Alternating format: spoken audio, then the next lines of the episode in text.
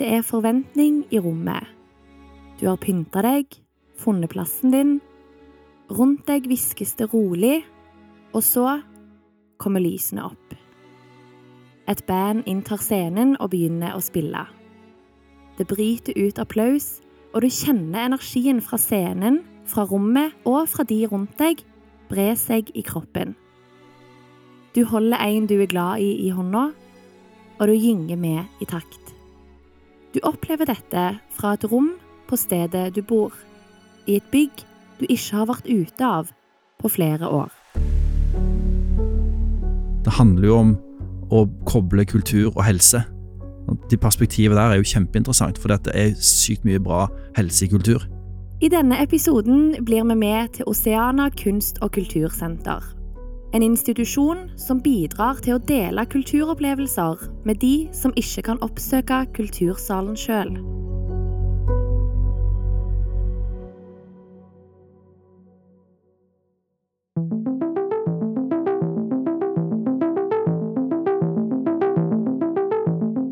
Du hører på Tech, håp og kjærlighet. En podkast om mennesker som gjør verden til et bedre sted gjennom teknologi, innovasjon og gode ideer.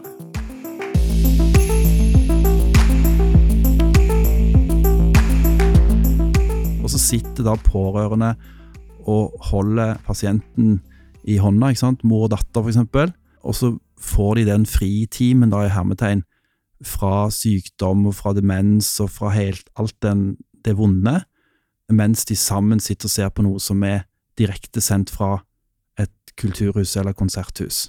Og det gir liksom energi til oss til å tenke at yes, dette er meningsfylt arbeid, dette har vi lyst til å fortsette med.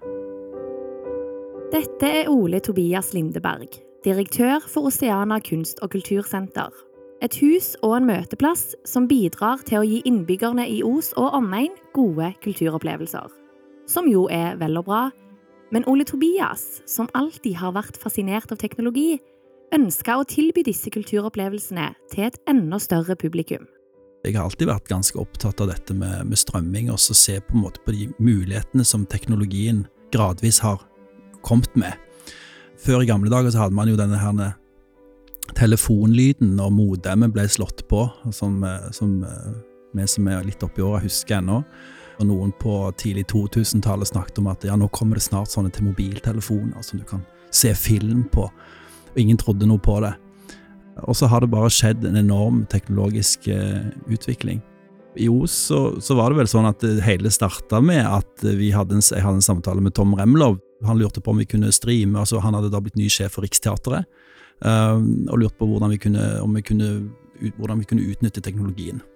Uh, og da kom vi fram til det, foreslo det at vi skulle ta Oceana som en pilot, et prøveprosjekt, og begynne å streame, streame fra Oceana enkelte forestillinger til da uh, institusjoner.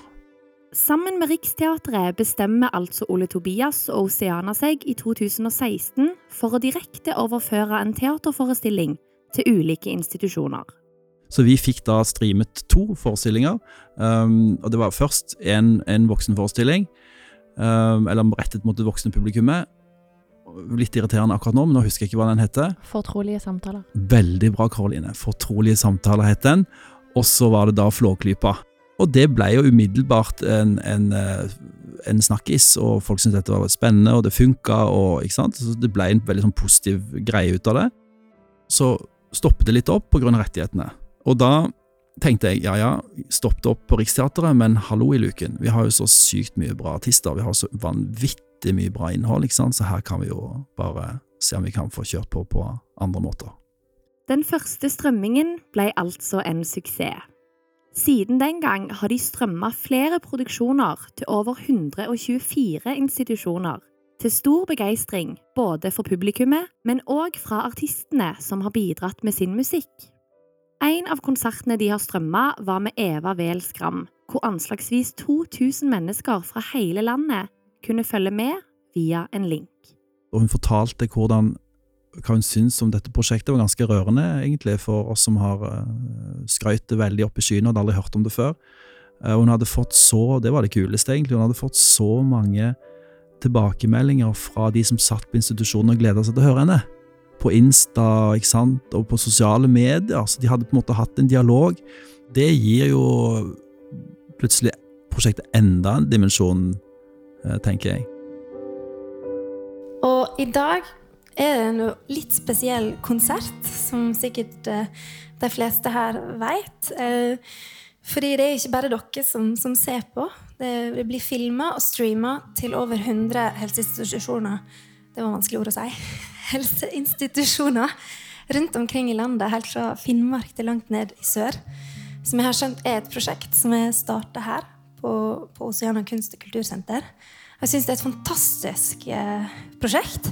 Jeg syns egentlig at alle her skal gi en applaus for det. Og for dere som har starta dette. Virkelig.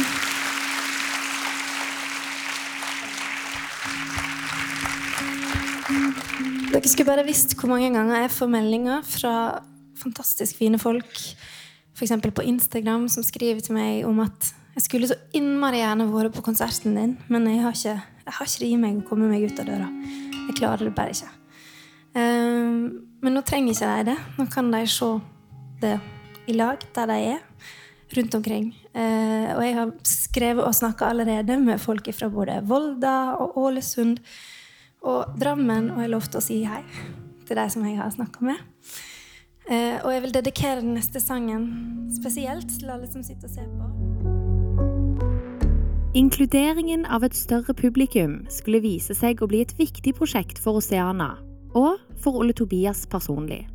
Han er sjøl kunstner og har mange tanker om hvorfor dette er viktig for oss som mennesker, og hvordan kultur og helse kan og burde være en naturlig kobling.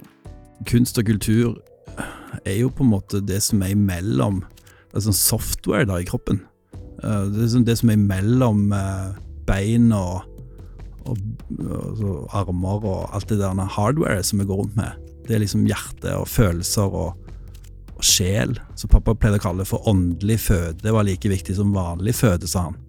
Altså, for det, du, det gjør deg eh, til, et, til, et, bra menneske. Jeg, hadde, jeg har jo spurt eh, de som er på institusjonene, bl.a. Uh, musikkterapeuter som de har på Bergen Røde Kors. Funker dette, eller er det bare dårlig TV? Og Camilla Erlandsen, som, som, har, som, jobber på Bergen Røde Kors, hun har gitt meg ganske gode tilbakemeldinger på at hun, For det første var hun også litt sånn skeptisk, jeg vet ikke helt, men nå har hun vært på masse av de arrangementene som vi har gjort. Uh, og de steller jo i stand, ikke sant, lager en happening og, og, sånn. Og hun sier at det funker jo på mange plan. Camilla Erlandsen, som Ole Tobias snakker om her, er klinisk musikkterapeut og jobber ved Bergen Røde Kors sykehjem. De har strømma flere av konsertene fra Oceana. Eh, det var en veldig fin opplevelse på en konsert vi hadde, hvor en mann, en pappa med hjerneslag, satt sammen med konen sin under hele konserten. Han har også afesi, kan ikke prate. De satt der og holdt hverandre i hånden, og jeg så at de hadde en utrolig fin opplevelse sammen. Og det er veldig rart å se hvordan, eller flott å se hvordan musikken har så utrolig mange forskjellige deltakelsesmuligheter, man kan sitte og lytte til musikk sammen, danse sammen, synge sammen, og da er det som at rollene blir helt like. At det ikke, det er ikke lenger en pasient og en hjemmeboende kone som sitter der. Det er et kjærestepar som har en fin opplevelse sammen. Det fungerer ganske enkelt. Den påmeldte institusjonen får tilsendt en lenke som konserten strømmes via. Så det er litt morsomt, da, for jeg står jo bare der og trykker på en link og passer på at lyden virker, og så får jeg masse ros. og takk for konserten, akkurat som det er jeg som arrangerer det hele. og ifølge Camilla oppleves det som å være på livekonsert. Vi eh, setter det på storskjermen i dagligstuen vår, som er en av de største salene vi har, og så kommer det gjerne en 70-80 mennesker, så du får den store konsertopplevelsen bare med å være i en sånn stor folkemengde. Og lyden er også veldig bra. Vi har et godt anlegg, vi har en stor skjerm. Og det, selv om du med en gang tenker at dette er på en skjerm, så glemmer man det. Camilla kan òg fortelle at det er mange fordeler med å oppleve konserten på institusjonen. Det er f.eks. mange som ikke holder ut en hel konsert, og det krever enorme ressurser å flytte en helseinstitusjon ut til et konsertsted. Så fordelen med å få de inn er selvfølgelig at det er trygge rammer for alle pasientene. og få de nok av å være en halvtime på konserten, så kan de bare dra hjem etterpå uten at det er noe, eh, noe stor jobb med det. Men jeg tenker også, som er positivt, er at de pårørende og også andre i nærmiljøet kommer inn på sykehjemmet og opplever sykehjemmet som et konserthus. For Camilla, som er musikkterapeut, er viktigheten av dette stor i det hun kaller for åndelig omsorg. I tillegg til å være en viktig sanselig opplevelse for pasientene, er det òg med på å definere hvordan vi ser på helseinstitusjoner. Jeg tenker sånn politisk sett så er det viktig for statusen som sykehjemmet har. Det å åpne opp eh, sykehjem for samfunnet, at det kan skje flere ting inne på sykehjemmet. For de som har fått sykehjemsplass, det er veldig mange av de er avhengig av å være på sykehjemmet. Det er ikke alltid så lett å ta de ut fra sykehjemmet. Så da kan man heller invitere samfunnet inn på sykehjemmet.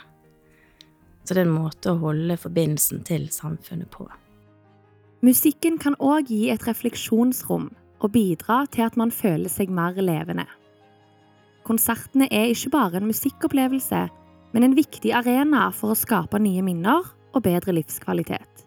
Altså sånn helt svart-hvitt, altså har det jo vært en følelse av at eh, man skroter de eldre, at når de ikke lenger kan bidra til bruttonasjonalprodukt og være arbeidsomme, og at de da fort kan føle seg som en belastning for samfunnet fordi de bare går rundt og trenger pleie, og at vi er lite flinke til å utnytte de ressursene som det ligger i det levde livet.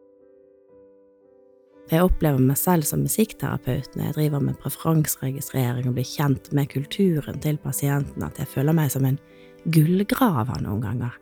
De kommer inn til oss og kan se kanskje litt grå og triste ut. Og det er mye tap. sant? De har solgt leiligheten sin, konen har kanskje nettopp dødd, og de har måttet flytte på sykehjem. Så har de masse gull og edelstener inni seg. Gjennom strømmetjenesten er Oceana med på å møte behovet for mening i livet og hverdagen til pasientene. Ifølge Camilla er dette òg noe pasientene sjøl stiller krav til. De sier veldig tydelig fra at det er ikke nok for oss å ha en god seng og medisiner og god mat. Vi må ha mening i livene våre. Da trives vi, og da oppfører vi oss bra på institusjonen. Så de er med på å revolusjonere hele systemet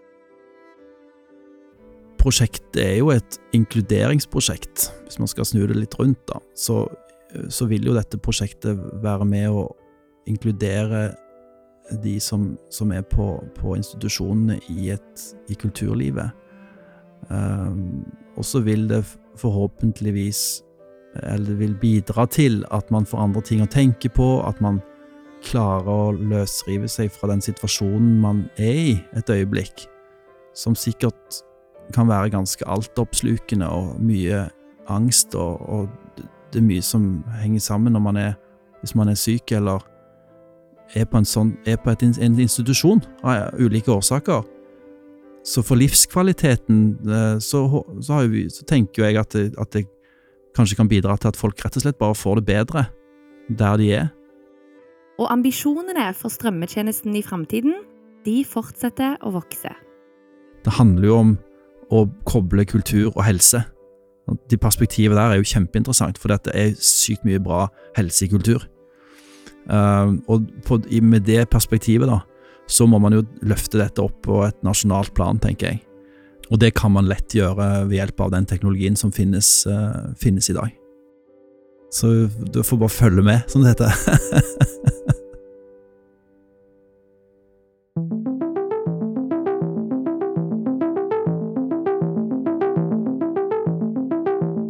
hørt på tech, håp og kjærlighet.